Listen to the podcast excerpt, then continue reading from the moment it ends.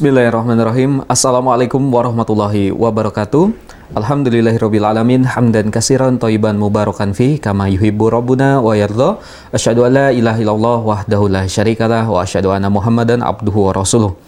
Para pemirsa dan pendengar di mana pun Anda berada yang mengikuti program acara kami pada malam yang berbahagia ini, Alhamdulillah pada kesempatan malam yang berbahagia ini pada hari Senin malam Selasa kita dapat berjumpa kembali dalam satu agenda program acara kesayangan kita yaitu program Bincang Silsilah Tauhid Insya Allah bersama kembali dengan Ustadz Abu Isa Abdullah bin Salam Hafidullah Ta'ala yang pada malam hari ini akan membahas satu tema yang insya Allah akan bermanfaat untuk kita sekalian yaitu hakikat wali dan karomah. Dan tak lupa kami mengajak serta mengundang kepada Anda para pemirsa dan pendengar di mana pun Anda berada yang ingin bertanya langsung kepada Al Ustadz seputar materi pembahasan di malam yang berbahagia ini. Dan Alhamdulillah telah hadir pada malam hari ini di studio kita Al Ustadz kita Ustadz Abu Isa bin Salam Hafidullah Ta'ala. Kita sapa beliau terlebih dahulu. Assalamualaikum Ustadz. Assalamualaikum. Alhamdulillah. Gimana saat kabarnya saat malam ini? Alhamdulillah. Alhamdulillah saat. Dan malam ini kita kembali saat berbincang menyapa para pemirsa dan pendengar dengan pembahasan silsilah tauhid. Yang alhamdulillah nih saat uh, kajian silsilah tauhid ini udah hampir satu tahun lebih nih saat ya. Dan kita sudah sangat lama sekali menyapa hampir setiap pekannya gitu. Dan bagi anda para pemirsa dan pendengar di mana pun anda berada, anda dapat menyimak rangkaian kajian silsilah tauhid yang disiarkan secara langsung oleh beberapa stasiun televisi dan juga radio yang tergabung ke dalam Asosiasi Radio Televisi Islam Indonesia atau RTVC yang langsung disiarkan oleh beberapa stasiun televisi dan radio yang dapat Anda simak melalui RTVC atau Asosiasi Radio Televisi Islam Indonesia. Baik, untuk efisienkan waktu kita mulai perbincangan pada malam hari ini. Ustadz, malam hari ini kita membahas satu tema yang sangat menarik, Ustadz. Hakikat wali dan karomah. Nah, mungkin masyarakat khususnya di Indonesia ini Ustaz ya, ya. terutama di Indonesia ini sudah sangat mengenal wali dan juga karomahnya. Mungkin ada sangkut pautnya juga antara kedua ini. Tapi Ustaz, sebenarnya kalau secara definisi itu sendiri, wali dengan wali dan karomah itu sebenarnya apa Ustaz? Silakan Ustaz. Ya, bismillah. Assalamualaikum warahmatullahi wabarakatuh. Waalaikumsalam. Para pemirsa, rahimani warahmatullah, alhamdulillah, wassalatu wassalamu ala rasulullah wa alihi wa ashabihi Lamang tabi'um bihsanin ila min amma Terkait dengan tema yang kita angkat pada malam hari ini yaitu tentang wali dan karomah. Tadi ditanyakan oleh Allah Wahyu tentang siapa itu wali dan apa itu karomah. E, tentang wali itu pengertiannya sudah langsung ada dalam firman Allah Subhanahu wa taala dalam surat Yunus ayat 62 63 ketika Allah SWT berfirman ala inna awliya Allahu la khawfun alaihim wa lahum yahzanun alladzina amanu wa kanu yattaqun. Ketahuilah bahwa wali-wali Allah itu mereka tidaklah merasa takut dan juga tidak merasa bersedih. Siapa mereka? Alladzina amanu wa kanu yattaqun. Mereka adalah orang-orang yang beriman lagi bertakwa. Maka para ulama berdasarkan surat Yunus di atas mendefinisikan tentang wali adalah al-mu'minu at-taqiyu ghairun nabi. Itu seorang mukmin yang bertakwa yang dia bukan seorang nabi. Seorang mukmin yang bertakwa ada yang kedudukannya nabi, maka mereka punya kedudukan tersendiri, punya manggilan tersendiri, yaitu Rasul dan uh, Nabi. Nah, mereka yang bertakwa kepada Allah, beriman dan bertakwa kepada Allah, itiba kepada Rasul Rasul Allah SWT, maka disebut dengan wali. Jadi setiap mukmin yang bertakwa yang bukan nabi itulah yang disebut wali. Itu dalam uh, istilah para ulama mengacu kepada firman Allah taala di atas. Adapun karomah itu sendiri adalah jadi khariqun ada, sayun khariqun lil ada, sadirah anil wali. Sesuatu yang ajaib, yang luar biasa dari apa? Jadi ajaib karena luar biasa tidak sesuai dengan apa uh, kebiasaan yang terjadi dari seorang wali. Jadi hal-hal yang ajaib yang terjadi pada seorang wali. Itu namanya karomah. Maka eh, antara keduanya ada ada kait- kaitannya antara karomah dengan wali, wali dengan karomah. Allah alam bisawab. Ya. Baik Ustaz. Nah, untuk penjelasan kaitan bahasan pada malam hari ini itu antara wali dan karomah dengan tauhid itu sebenarnya apa Ustaz? Ya, Pak. Para pemirsa rahimani warahmatullah. Eh, bahasan tentang wali dengan karomah eh, jelas sangat erat kaitan dengan bahasan kita tentang silsilah tauhid ya. Jadi berbagai macam tinjauan. Nah, yang pertama ditinjau dari tadi telah dikatakan telah kita dapatkan bersama tentang tentang wali adalah seorang mukmin yang bertakwa. Maka inilah wali itu adalah berarti orang yang betul-betul merealisasikan tauhid dalam kehidupannya bahkan memenuhi kriteria yang sempurna. Karena hakikat tauhid adalah iman dan takwa. Sehingga tidak akan mungkin eh, menjadi seorang wali tanpa dia orang yang mentauhidkan Allah SWT. Ini dari satu sisi. Jadi eh, wali itu hanya diraih dengan hanya bisa diraih dengan dengan mentauhidkan Allah kemudian menyempurnakannya dengan ketakwaan kepada Allah Taala. Melaksanakan eh, kewajiban dan menjauhi larangan.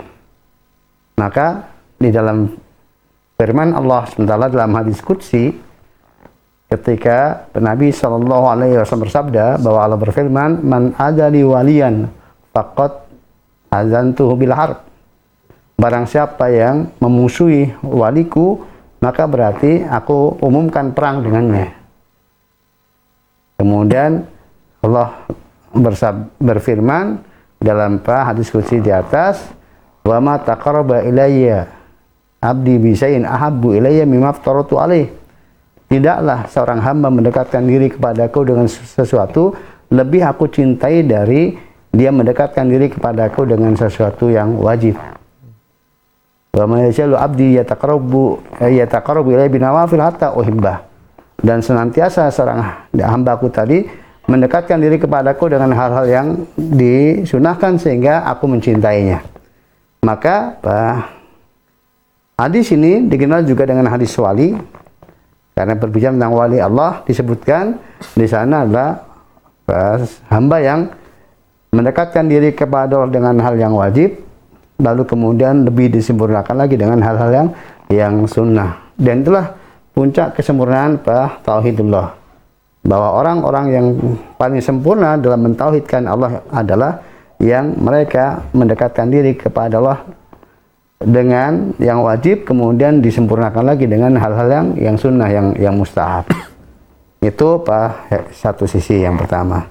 Kemudian yang kedua bahwa mm, pemahaman pak, manusia atau pemahaman kaum muslimin terkait dengan wali ini pak, ada di sana pemahaman yang menyimpang.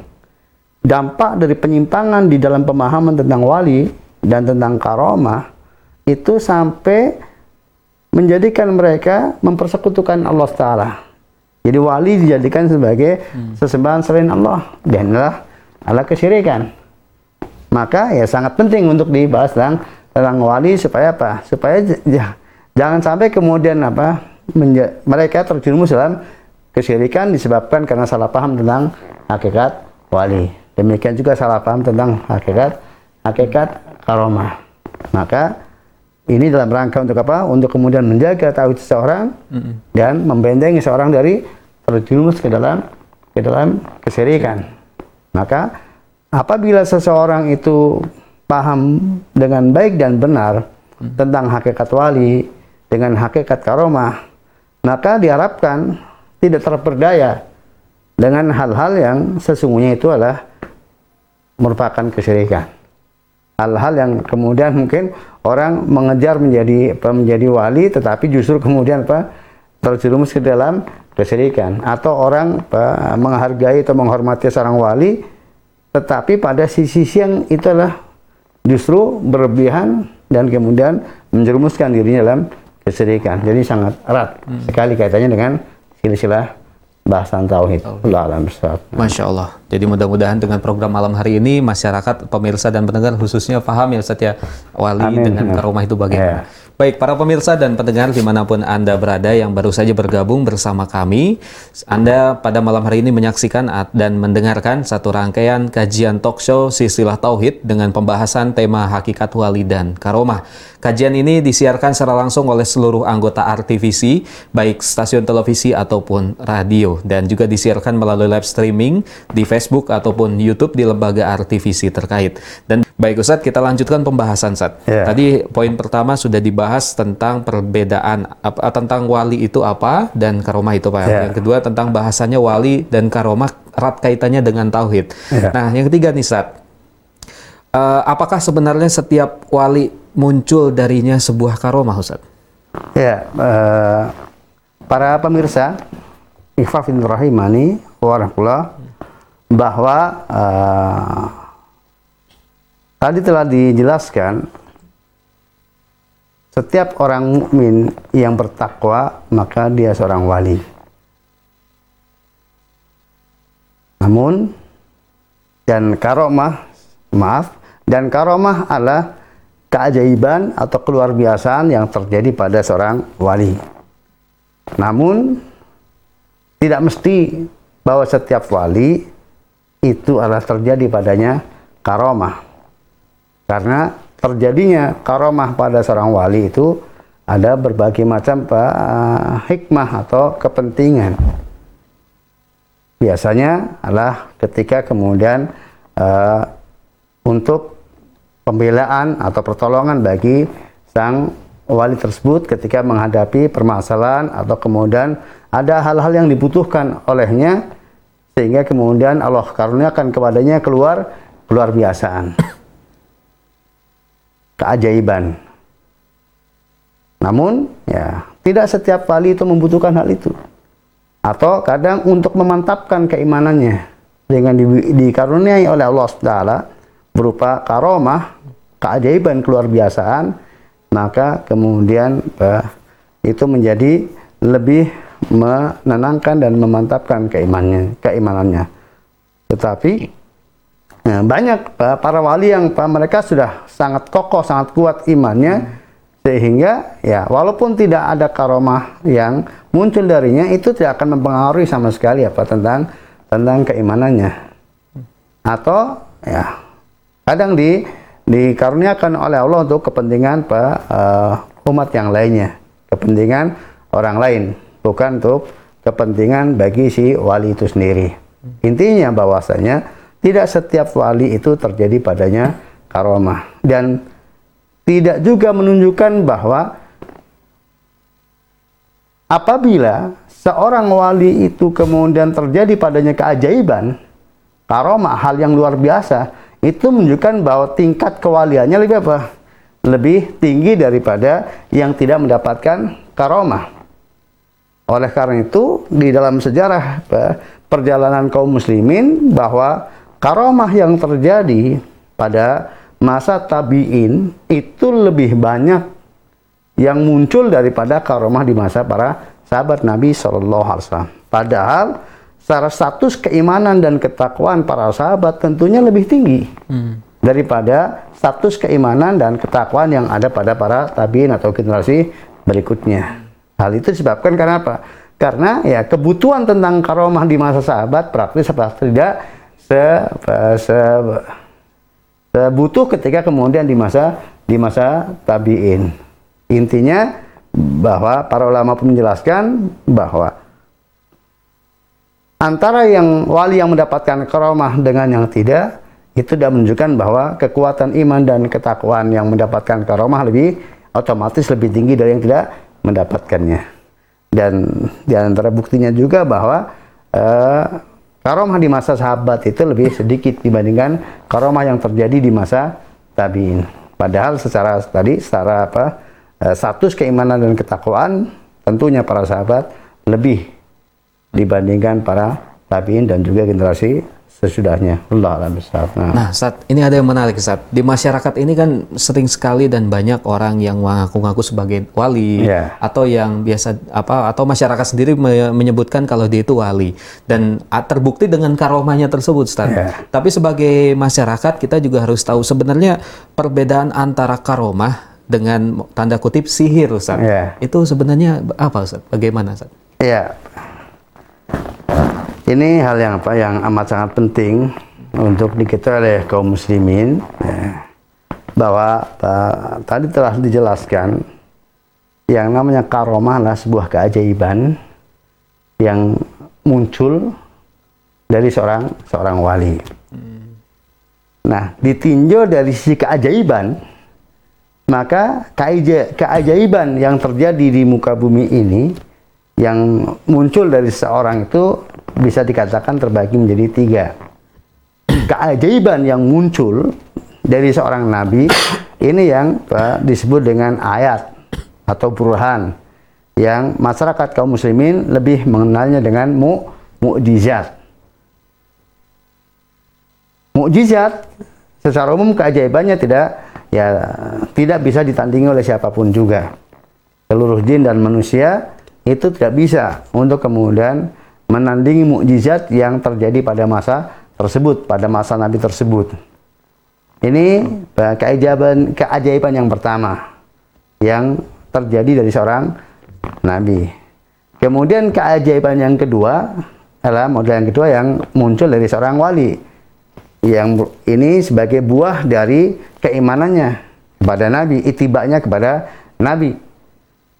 Kemudian muncul darinya keluar biasaan atau keajaiban yang disebut dengan karomah.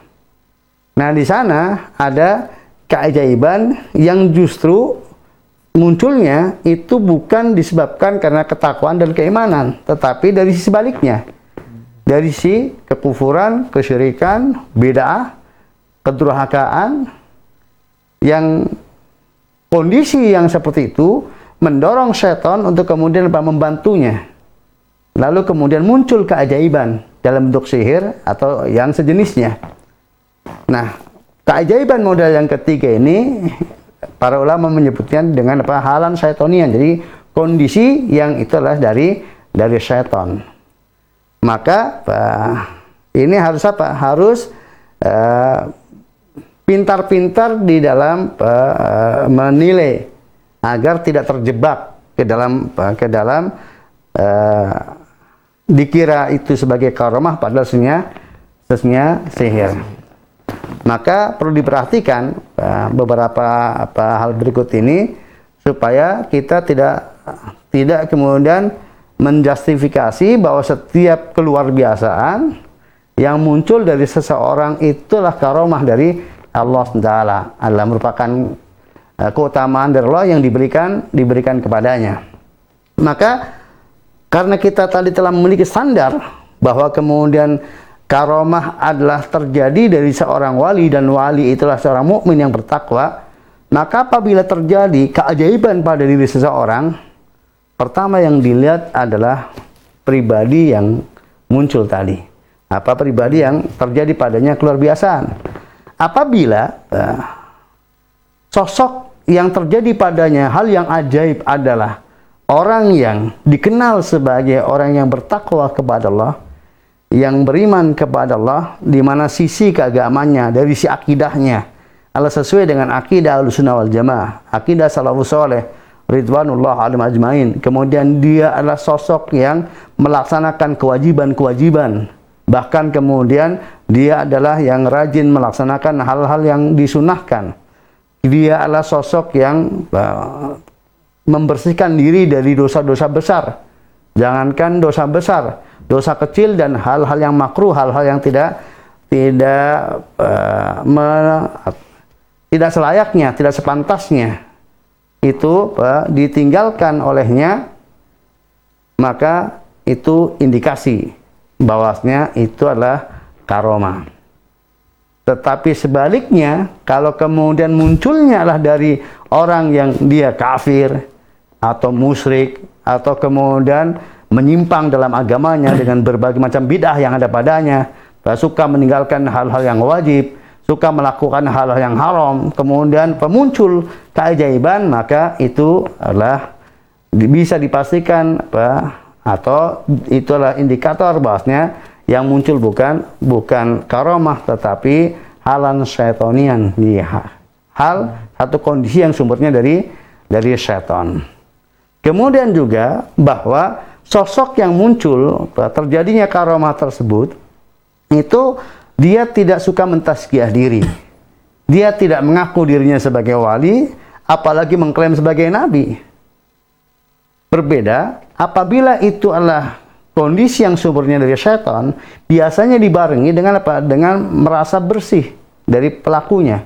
Di mana dia mengaku saya adalah seorang wali atau bahkan saya seorang nabi apa dia dia mengklaim dirinya mendapatkan apa uh, anugerah dari Allah SWT ber, bertemu atau berdialog langsung dengan Allah kemudian langsung mendapatkan wangsi dari Allah dan sebagainya. Klaim-klaim yang itu menunjukkan apa mentaskiah diri.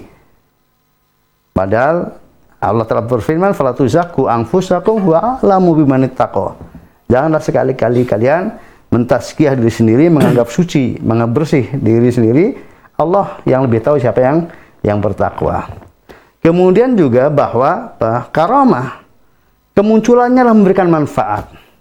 Ya, memberikan memberikan manfaat baik bagi pemiliknya atau manfaat bagi orang lain. Jadi tidak sekedar apa, sekedar keajaiban begitu saja, tetapi uh, untuk kemudian memberikan manfaat kepada si pemilik karomah tersebut atau memberikan manfaat kepada orang lain atau sebagai hujah sebagai bukti dari Allah ketika berhadapan pemilik karomah dengan ahlul batil atau orang kafir maka Allah berikan kekuatan sehingga kemudian tampak bahwa kebenaran ada padanya dan pihak lawannya adalah adalah batil. Sementara kalau kemudian Pak yang dari setan biasanya apa? Untuk hal-hal yang apa? Hal-hal yang madorot. Ya, dia bisa menghilang misalnya ketika kemudian berbuat dolim kemudian menghilang hmm. atau apa kemudian untuk menipu hmm. menghipnotis dan sebagainya. Artinya sesuatu ajaib tetapi apa? Memberikan apa? Untuk sebuah kejahatan kejahatan atau kemadorotan yang ditimbakan oleh orang lain atau yang yang sejenisnya. Itu apa uh, tentang keajaiban atau keluar biasaan. Jadi sesungguhnya apabila kita mau uh, tabayun, mau kemudian meneliti, mau kemudian memiliki perhatian sedikit saja tentang hal ini, tidak gegabah, itu dengan bisa dengan mudah dibedakan. Oh ini adalah bah, karomah. Oh ini adalah bah, dari dari setan, hmm. bentuk sihir atau yang yang sejenisnya. Maka bah, uh, mengenal agama itu ya sangat penting untuk untuk termasuk dalamnya membedakan mana karomah, mana sihir.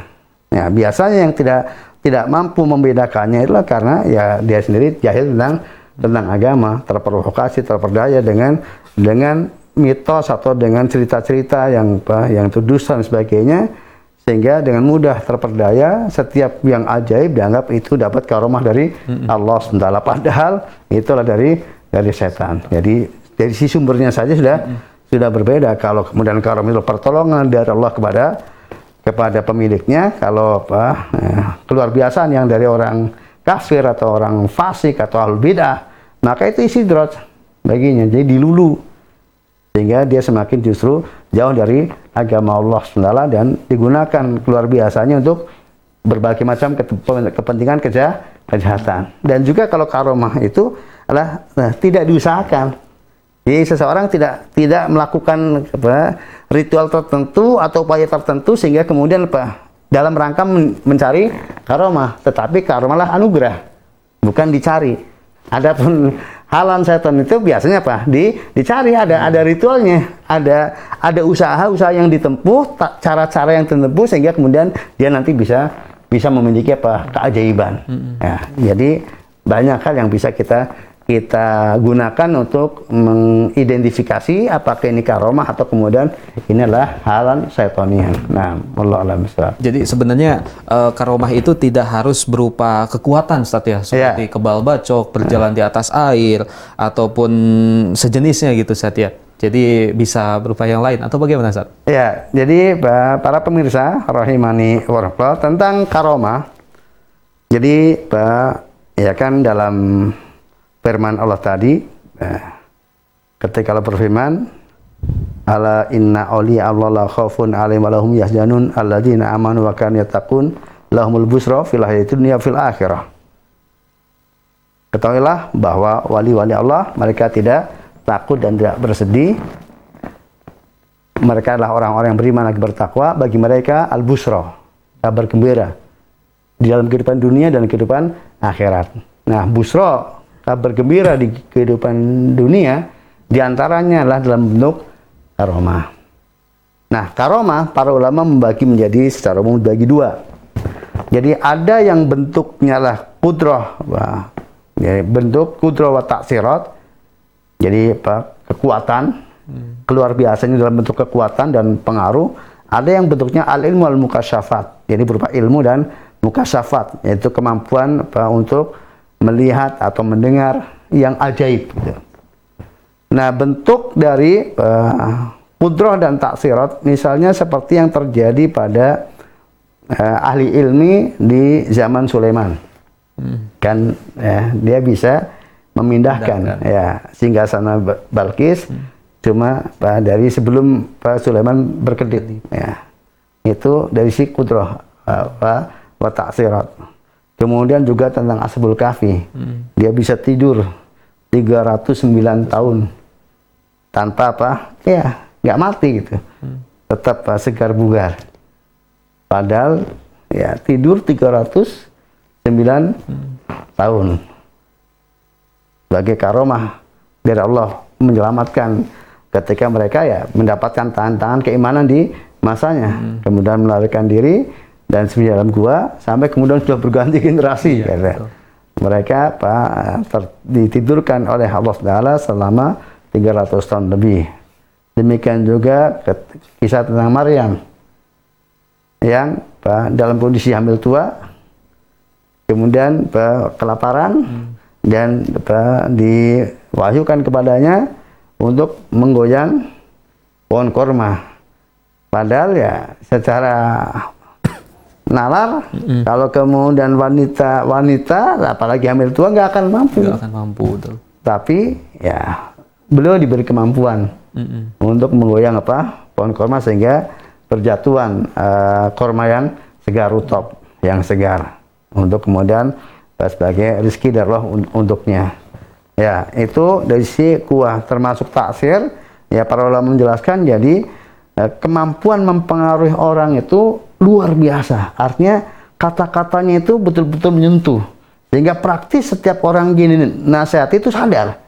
Hmm. jadi setiap orang yang kemudian mendapatkan apa eh, nasihat darinya itu langsung pak terpengaruh dan pak sadar kalau kemudian dan artinya luar biasa. Itu pak dari si taksir karoma ya, berupa keajaiban. Karena secara umum orang nggak artinya ini orang sulit sekali. Tapi begitu dia yang nasihati langsung artinya nurut dan sebagainya. Itu kekuatan taksir ya pengaruh. Nah, itu pak satu sisi. Ya mungkin pak termasuk eh, kalau kemudian pak dia berjalan bisa berjalan di atas air bisa terbang ya seperti yang disebutkan ya itu hal yang sangat mungkin. Mungkin ya. Tadi ketika kemudian dia memang membutuhkan kondisi seperti itu. Pertolongan dari Allah Taala karomah dari Allah Taala. Nah sisi yang kedua bentuk bentuk karomah yang dikatakan oleh para ulama dengan al ilmu wal mukasyafat. Yaitu kemampuan untuk memiliki ilmu yang luar biasa. Artinya ditinjau dari sisi waktu belajarnya usianya itu ajaib. Secara umum manusia di zamannya itu nggak ada yang yang seperti itu keilmuannya gitu luar biasa gitu. Padahal waktu belajarnya sangat ya sangat singkat dibandingkan yang lainnya. Kemudian usianya masih demikian muda tapi luar biasa ininya. Ilmu yang dimilikinya luar biasa. Maka ini wah, juga uh, alamatul karomah ini bisa dikatakan sebagai karomah dalam bidang ilmu wal mukasyafat ya. Maka ya kalau kemudian bisa kita apa uh, katakan bahwa para ulama yang mereka muda-muda tapi kemudian apa uh, ilmunya luar biasa artinya kalau orang hari ini mempelajari ilmu mereka itu umurnya habis ilmu mereka belum apa belum hmm. habis padahal apa artinya apa secara usia mungkin dikejar bisa lebih jauh dibutuhkan untuk mendapatkan ilmu yang ada pada mereka itu pun nggak terjangkau. Mm -hmm. Umur kita habis diwaktukan untuk kemudian mempelajarinya, belum menjangkau apa, ilmu mereka, sementara apa? Uh, padahal mereka didapatkan dengan waktu yang sangat sangat singkat. Itu kemudian yang bentuk muka safat seperti yang pernah terjadi pada Umar bin Khattab radhiyallahu Jadi beliau sedang khutbah bah, Jumat di Madinah dan beliau mengirim pasukan ke daerah Baghdad kalau apa nggak salah ketika itu. Nah, diperlihatkan kepada Umar bahwa pasukannya terdesak. Maka dari atas mimbar beliau mengatakan ya al-Jabal, Yasir Jabal. Wahai Pak, Pak pasukan Pak, kirimannya mengarahlah ke arah gunung. Dan ternyata suara Umar itu didengar oleh pasukan kiriman Umar radhiallahu yang sedang terdesak ketika melawan tentara kufar. Nah, para apa, sahabat yang hadir pada waktu itu, para tabiin yang hadir pada waktu bertanya, apa gerangan yang terjadi? Ya, belum melihat pasukannya terdesak. Maka belum berteriak di mimbar dan terdengar ke sana. Dan yang di sana apa, juga mengiyakan kisah tersebut, cerita tersebut. Artinya ini apa? Uh, mukasafat. Kayak Abu Bakar Siddiq uh, diberikan kemampuan waktu itu melihat janin yang ada di perut istrinya dan dia tahu ini wanita. Nah, itu uh, karomah. Jadi berbentuk mukasafat. Artinya tidak mesti berupa apa? Tadi kekuatan yang mungkin tahan api dan jadi sangat mungkin uh, seorang wali kemudian dia uh, dibakar gak mempan. Ya, ya. Seperti mukjizat yang diterima oleh Nabi Ibrahim alaihissalam. Jadi sejenis itu pun mungkin juga diterima oleh bah wali ketika memang hal itu tadi dibutuhkan. Hmm. Artinya bah, uh, aroma itu ber, beragam bentuknya. Tetapi yang harus diingat tadi adalah bah, jangan sampai bah, terjebak sihir dianggap aroma ya, gitu. Kalau bisa. Nah, nah Ustaz terakhir saat sebelum kita ya. masuk ke sesi tanya jawab. Kita tahu nih saat di sebagian kalangan kaum muslimin banyak sekali yang mengagungkan wali bahkan melebihi nabi Ustaz. Ya. Nah, yang jadi pertanyaan mungkinkah derajat seorang wali bisa melebihi nabi Ustaz? Ya, para pemirsa dan para pendengar rahimani warahmatullahi di mana pun anda berada bahwa tidak mungkin ya, seorang wali itu melebihi kedudukan Pak Nabi sebagaimana keyakinan sebagian orang. Dari seperti dari uh, Tarekat Sufiyah. Ketika mereka uh, berkeyakinan ada penutup para nabi dan ada penutup para wali. Dan bahwasanya penutup wali itu lebih utama dari penutup nabi dan rasul. Inilah keyakinan yang batil. Uh, wali dia menjadi wali itu karena itiba kepada nabi jadi dengan sebab itibaknya mengikuti agama yang diturunkan oleh Allah kepada seorang nabi, maka uh, lalu dia beriman dan bertakwa, terangkatlah derajatnya dari manusia biasa menjadi wali Allah SWT. Maka uh, tidak mungkin seorang wali itu kemudian melebihi kedudukannya dari kedudukan kedudukan nabi. Justru wali itu adalah sebagai bukti kebenaran dari nabi dan wali-wali itu dengan karomah yang ada pada mereka itu di antara apa? Ya di antara bukti kebenaran kena kenabian. Maka mereka sebagai bukti kebenaran kenabian dan tidak kemudian uh, akan derajatnya lebih tinggi dari dari seorang seorang wali. Maka ya seorang wali mesti tunduk dan patuh kepada syariat bah, Nabi. Justru kalau kemudian mereka keluar dari syariat Nabi, ya dengan demikian maka seandainya muncul keluar biasa itu bukan karena dia wali tetapi karena dia adalah orang kafir kemudian mendapatkan uh, keluar biasa yang merupakan bantuan dari dari syaitan dengan sebab kekafiran yang yang ada. Maka sekali lagi bahwa tidak ada seorang pun dari seorang wali yang kedudukannya lebih tinggi dari dari seorang nabi.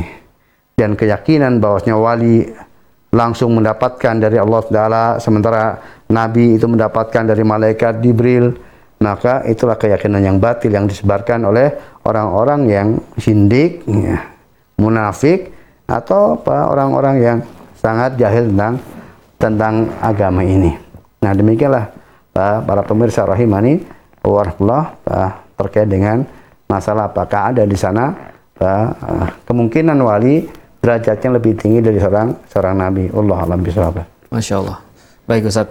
Dan Alhamdulillah kita sudah masuk ke sesi kedua yaitu sesi yeah. tanya jawab. Kami persilahkan telah ada satu penelpon kembali yang telah bergabung. Langsung saja kita angkat. Halo, Assalamualaikum. Assalamualaikum. Waalaikumsalam. Ya, dengan Bapak siapa dari mana?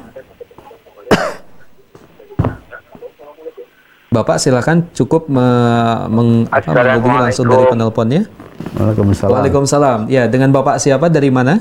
Uh, dari hamba Allah di Kalimantan Selatan. Ya, dengan Bapak dari Kalimantan Selatan. Silakan Bapak untuk pertanyaannya. Uh, begini, ada orang kan katanya jarah di makam wali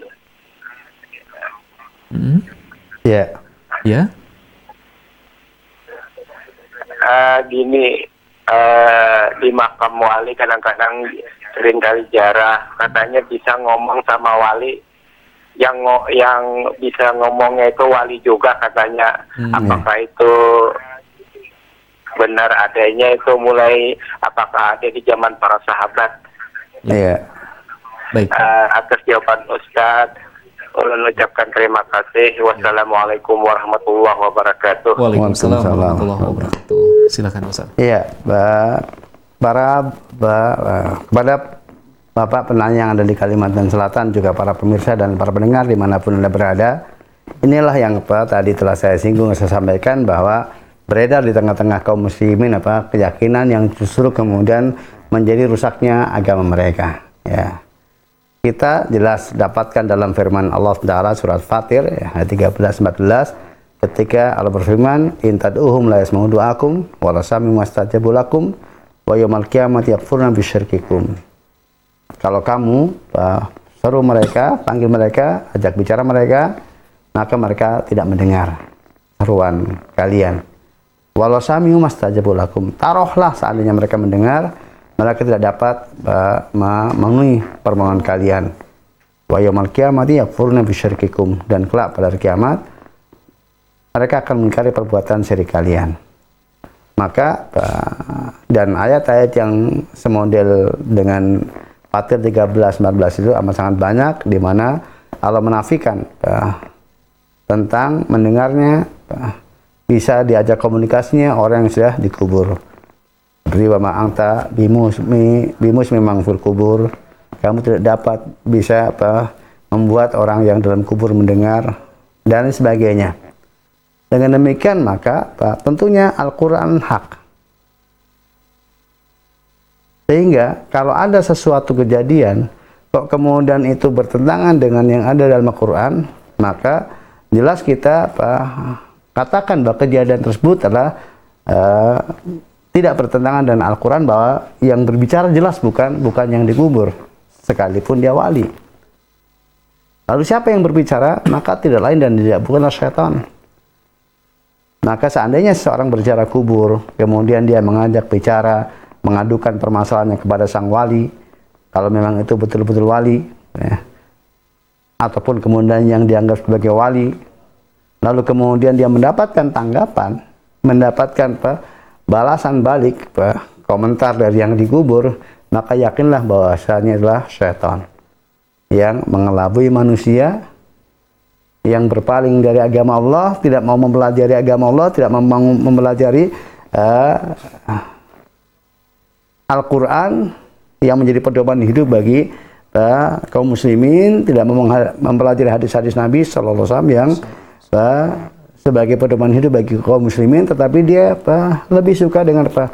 Dengan berita-berita yang sumbernya tidak jelas. Maka ya ketika orang-orang berpaling dari agama Allah, maka mereka lah menjadi apa? Menjadi santapan setan karena kejahilan yang ada pada pada mereka.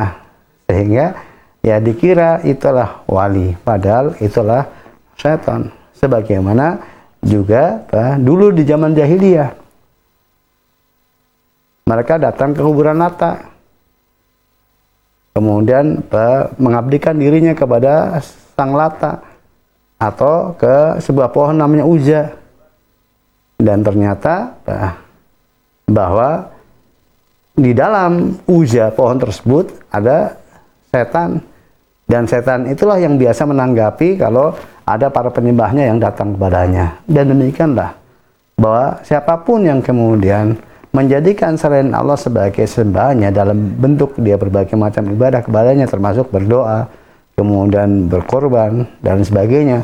Kemudian dia mendapatkan nah, tanggapan dari yang disembahnya maka ketahuilah bahwasanya adalah adalah syaitan.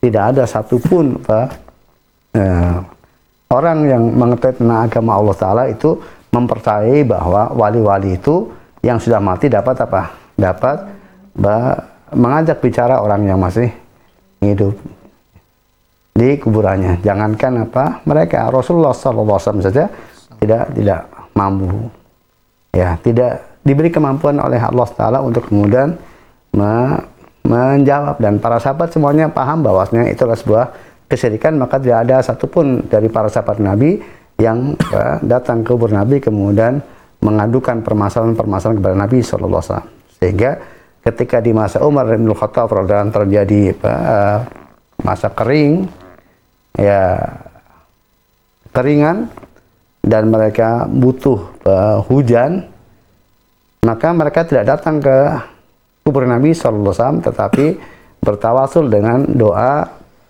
Abbas bin Abdul Muthalib agar berdoa kepada Allah bersama kaum muslimin yang lainnya bersama Umar ibn Khattab radhiyallahu agar Allah Ta'ala uh, menurunkan hujan.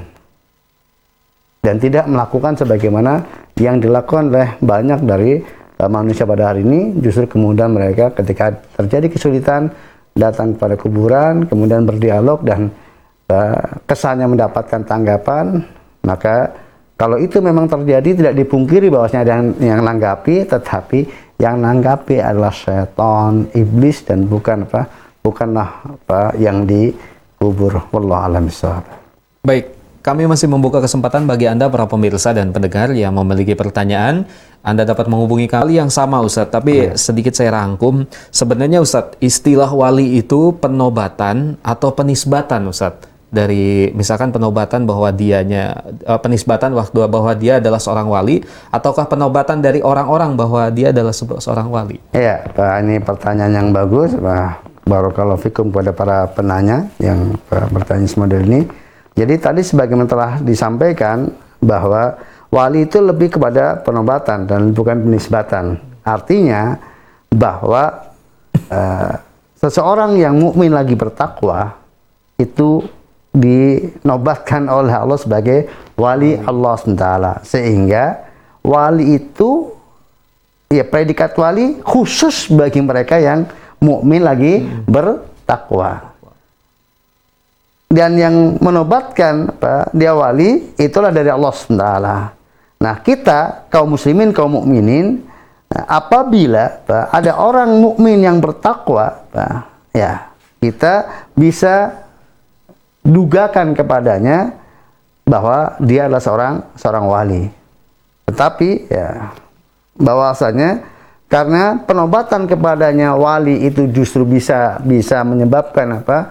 Orangnya orangnya itu kemudian ter, tergoda atau kemudian terfitnah. Maka ya kita simpan saja. Oh nampaknya dia seorang seorang wali dan dia kemudian dikatakan kemudian anda adalah oh, wali ya. Karena kepastian, kepastian Pak, apakah dia itu betul-betul wali itu tentunya hanya Allah Taala yang yang mengetahuinya. Kita menghukum sebagaimana lohirnya. Intinya apabila orang itu ditinjau dari sisi Pak, akidahnya, keimanannya sebagaimana Pak Ahlu Sunnah wal Jamaah menjelaskan tentang hakikat keimanan, hakikat akidah, hakikat tauhid, kemudian yang bertakwa, meninggalkan dosa-dosa besar, senantiasa melakukan kewajiban, maka ini adalah orang-orang soleh, orang mukmin yang bertakwa, yang orang setiap orang yang mukmin yang bertakwa, maka dia wali, seberapapun tingkat kewaliannya di sisi Allah SWT. Adapun orang-orang yang disebut oleh uh, komunitas kaum muslimin tertentu bahwa dia wali itu belum tentu wali ya. tentu, ya. walaupun apa sudah melekat predikat itu melekat hmm. bahwa wali fulan si wali anu wali ini orang muslim sebagian kaum muslim juga wali ini sudah melekat di namanya wali ini. Maka justru yang seperti itu biasanya bukan wali gitu. Ya, ya. Karena wali itu nggak ridho. Artinya nggak nggak suka digelar gelar digelar gelari dengan dengan wali. Hmm. itu dia akan terfitnah dia akan nggak suka. Karena memang apa? Orang yang bertakwa itu nggak suka. Pak digelari dengan gelaran-gelaran yang Pak yang itu justru kemudian nanti Pak, merugikan dari si keimanannya. Bukankah kemudian kita disyaratkan kalau kemudian ada seseorang yang muji-muji di hadapan kita untuk kemudian Pak menyawurnya dengan apa? Dengan pasir gitu. Itu karena memang pujian itu uh, bisa membahayakan pihak yang dipuji. Maka orang yang bertakwa itu nggak suka untuk kemudian dipuji di hadapannya. Nah, maka kalau kemudian ada orang kemudian disebut uh, uh, kepadanya uh, uh, sang wali pan, uh, ya panjenengan sebagai wali dan sebagainya, hmm. kemudian dia malah suka dan kemudian ya berarti itu indikator bahasnya itu bukan bukan wali. Yeah. Jadi kalau dia tahu bahwasanya orang-orang menyebutnya sebagai wali dan dia malah malah kemudian seakan-akan mempersilahkan dan memberi kema terbuka untuk kemudian orang semakin semakin beredar predikat dia dikatakan wali ini justru kemudian alamat bahwa dia bukan mm -hmm. bukan wali karena apa orang yang bertakwa itu takut dari apa? Dari ketenaran dari kemudian apa? Predikat-predikat yang apa? Yang yang disematkan dari predikat-predikat keagamaan yang menunjukkan itu sebagai sebagai kesolehan dan ketakwaan. Allah alam Nah. nah, baik Ustaz. Selanjutnya nih Ustaz, ada pertanyaan yang cukup menarik Ustaz. Nah, di akhir-akhir ini tuh Ustaz uh, beredar sekali video yang sangat terkenal atau istilahnya viral di ya. masyarakat. Yeah. Video seorang laki-laki usia ya parubaya mungkinnya usia 40 sampai 50 tahun yang berdandan layaknya orang gila Ustaz, nah. yang menghadiri suatu hiburan, anggap saja hiburan masyarakat gitu. Dan di sana banyak orang yang mengatakan bahwa orang itu wali, orang yeah. itu wali. Nah, yang jadi pertanyaannya Ustadz, kenapa masyarakat Indonesia ini khususnya sangat mudah sekali Ustadz terpengaruh dengan istilah wali padahal dinisbatkan kepada seseorang yang mohon maaf bisa disebut dan dananya pun uh, sebut orang gila Ustadz. Silakan Ustadz. Iya, para pemirsa dan para pendengar rahimani warahmatullahi mana pun Anda berada, inilah yang tadi saya sampaikan, kejahilan tentang agama, hakikat agama, sesungguhnya seperti apa sih agama Allah memang membuat orang itu mudah tertipu. Jadi mudah mudah tertipu dan ya mudah menjadi bahan permainan setan. Ya. Sebagai musuh-musuh dari Rasul dan juga musuh-musuh dari orang beriman, ya baik setan dari kalangan jin maupun setan dari kalangan manusia. Ya. Bahwa apa, seseorang apa dengan penampilan seperti orang gila, perilaku seorang gila, kemudian dia mengklaim, kemudian bisa dia sendiri mengklaim, kemudian bisa kemudian mengin terbang. Nah, dia mau berpergian ke suatu tempat, kemudian diampiri oleh orang lain, kemudian dibilang sana berangkat dulu saja. Nah, kemudian tahu-tahu, loh kok sudah sudah datang duluan, sudah duduk duluan. Kemudian kegiatannya apa mungkin dia coret-coret apa aja, kemudian ngomong nggak jelas, ngisi dengan apa artinya, makan juga nggak jelas, kemudian suka ngambil harta orang lain tanpa tanpa izin, masuk ke rumah orang lain tanpa izin. Kemudian di apa di misalnya diceritakan bahwa ketika dia mengambil harta orang lain tanpa izin, kemudian kalau yang diambil itu kemudian dia marah-marah, maka nanti celaka yang apa? Yang marah-marah Tapi kalau kemudian dia rela, dia suka mempersilahkan, nanti kemudian jadi kaya raya setelah itu, ini semuanya khurafat ya. Dan Pak, itulah Pak. Jadi berbagai macam tipu daya yang beredar di tengah-tengah Pak eh, umat yang itu sebenarnya tipu daya dari setan, eh, berita hoax yang dibuat oleh orang-orang yang yang apa namanya me- melebih-lebihkan. Dan seandainya kemudian tadi misalnya ada peristiwa kemudian dia bisa datang lebih cepat padahal tadi masih di rumah belum ya mungkin saja dia, dia di apa dibantu oleh setan untuk semakin mengelabui orang dan Pak ini semuanya lah Pak. Maka saya sampaikan marilah kita uh, belajar agama yang benar yang betul-betul bersumber dari uh, bagaimana Rasulullah dan para sahabatnya dulu mengajarkan Islam. Islam datang untuk mengajarkan manusia menjadi mentauhidkan Allah SWT dan bukan kemudian mendewa-dewakan manusia sesama manusia merendahkan diri di hadapan manusia tapi tunduk patuh menghadap kepada Allah Taala dan orang yang bertakwa tidak akan kemudian mengambil harta orang lain tanpa alasan yang dibenarkan. Seorang yang bertakwa tidak kemudian akan melakukan hal-hal yang kemudian dia sesungguhnya di, uh, di secara syariat di, dilarang berupa permainan-permainan yang melalaikan, hiburan-hiburan yang melalaikan dan sebagainya, berbagai macam perayaan dan peringatan yang tidak ada tuntunannya sama sekali dalam Islam. Maka ciri apa, kondisi seperti itu yang dilakukan oleh seseorang tertentu, kemudian apa, kadang muncul keajaiban darinya, padahal apa, dilihat apa, sholatnya juga belum tentu benar, kemudian uh, tindakannya belum tentu benar, dia apa suka uh, mendolim orang, suka kemudian menyanyiakan harta dan sebagainya, maka itu bukti bahwa apa yang luar biasa seandainya itu terjadi padanya lah merupakan halam setonian, kondisi setan, sumbernya dari setan, untuk mengelabui umat manusia dan bukan sama sekali itulah karamah dari Allah SWT. Allah alam Baik Ustaz. Pertanyaan selanjutnya Ustaz, yang ini mungkin adalah pertanyaan terakhir pada kesempatan yeah. malam hari ini dan ini banyak sekali Ustaz ditanyakan mayoritas oleh pemirsa dan pendengar. Pertanyaannya kurang lebih seperti ini Ustaz. Uh, istilah wali ini apakah hanya ada di Indonesia ataukah di luar negeri itu sendiri ada Ustaz? Karena uh, masyarakat kita itu mengenal lebih banyaknya itu kita rata-rata mengenal wali itu di Indonesia Ustaz. Oh, ya. Seperti itu. Lalu bagaimana Ustaz? Iya, para pemirsa dan para pendengar rahimani bahwa al-wali itu mustalahat uh, internasional. Jadi dikenal oleh uh, kaum muslimin secara secara internasional, secara dunia. Maka para ulama pun bahas. Hmm. Ya, para ulama mana saja baik dari ulama al-sunnah maupun ulama al-bidah membahas tentang tentang wali. Justru kemudian dibahas oleh para ulama dalam kitab-kitab akidah mereka, dalam kitab-kitab tauhid mereka. Itu disebabkan karena di sana ada apa? Ada perbedaan antara al-sunnah wal jamaah dengan al-bidah di dalam perspektif tentang tentang wali. Sehingga ulama al-sunnah amat sangat merasa penting untuk berbicara wali dan itu bersifat internasional ya, tidak hanya tidak hanya di dunia saja. Maka di antara uh, keyakinan yang ada di di Torekot Sufia ada wali kutub ya, yang kedudukan yang sangat tinggi yang kemudian sampai ya dinisbatkan kepadanya kemampuan rububiyah, hmm. kemampuan pengelolaan dan pengaturan kepada sebagian alam ini dan berhak untuk mendapatkan pengabdian dari dari umat manusia. Karena tadi Pak, jadi mengangkat kedudukan kedudukan seorang tertentu dengan sebab uh, uh, apa namanya yang diyakininya sampai kemudian martabatnya lebih tinggi dari seorang seorang nabi.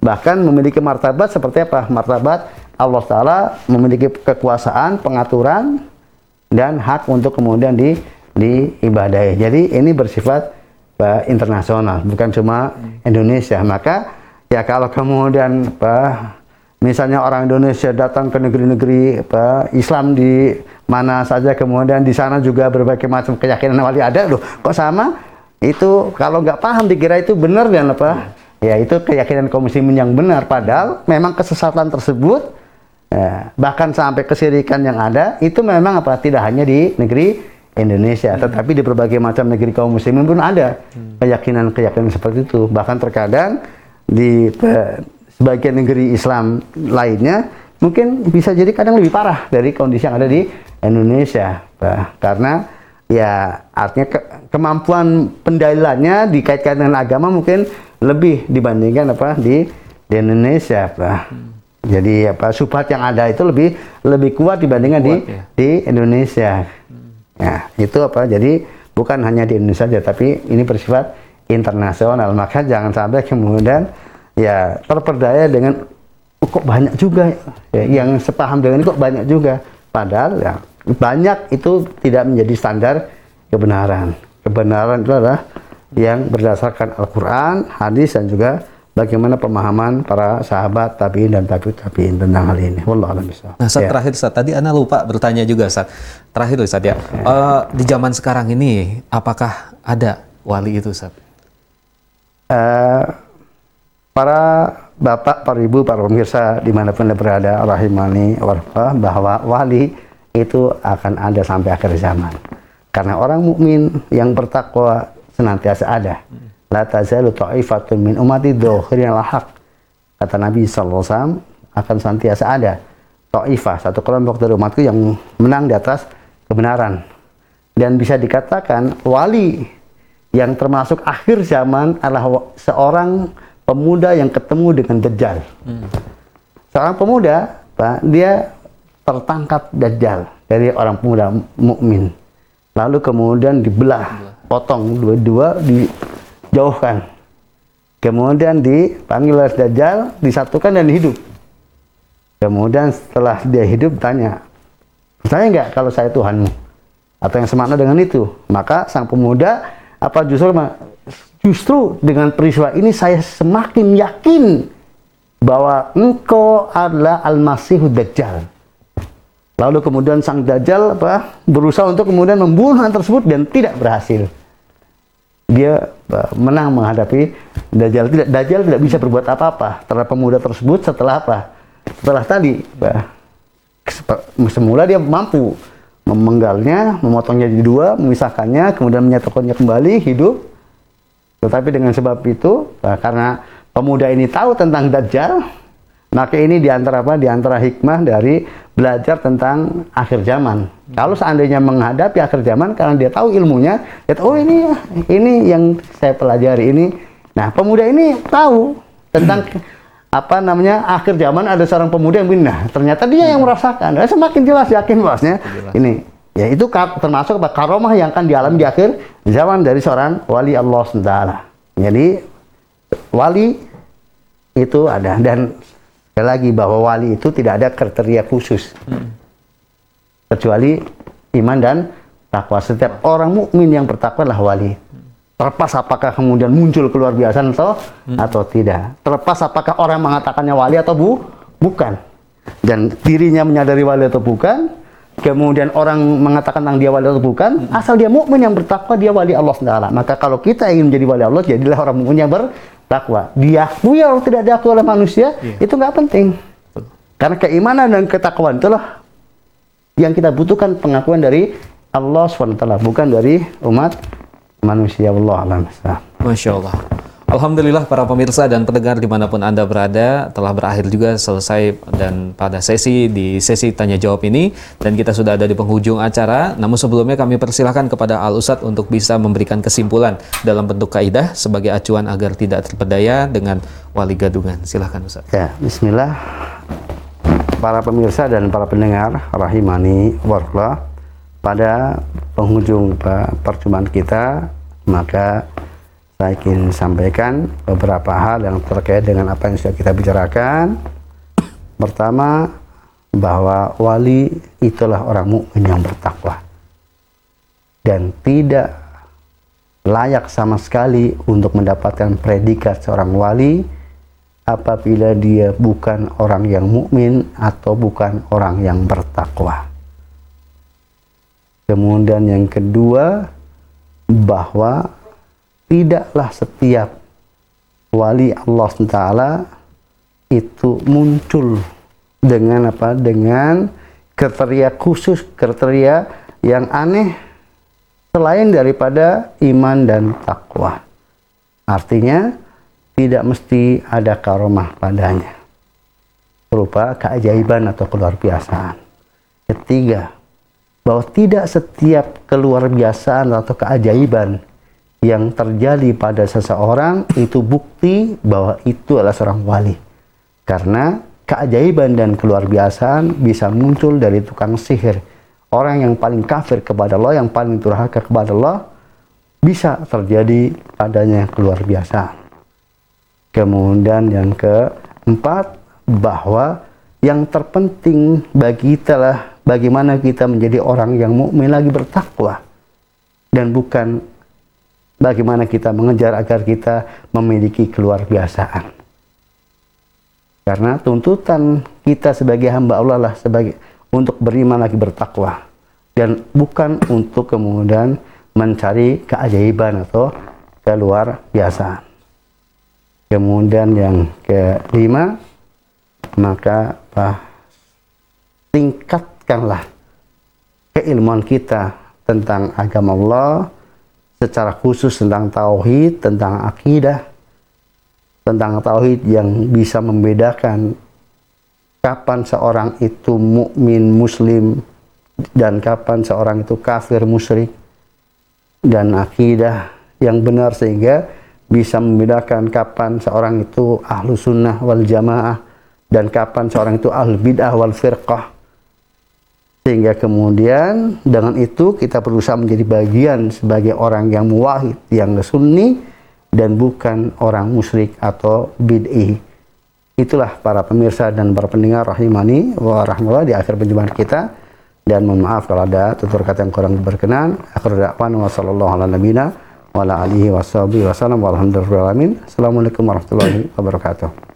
Waalaikumsalam warahmatullahi wabarakatuh. Alhamdulillah selama satu jam sudah kita berjumpa dan kami telah menemani Anda dalam program acara malam hari ini pada program kajian interaktif Tauhid bersama Al Ustadz Abu Isa Abdullah bin Salam Hafidhullah Ta'ala yang pada malam hari ini membahas satu tema yang sangat sekali bermanfaat untuk kita yaitu hakikat wali dan karomah.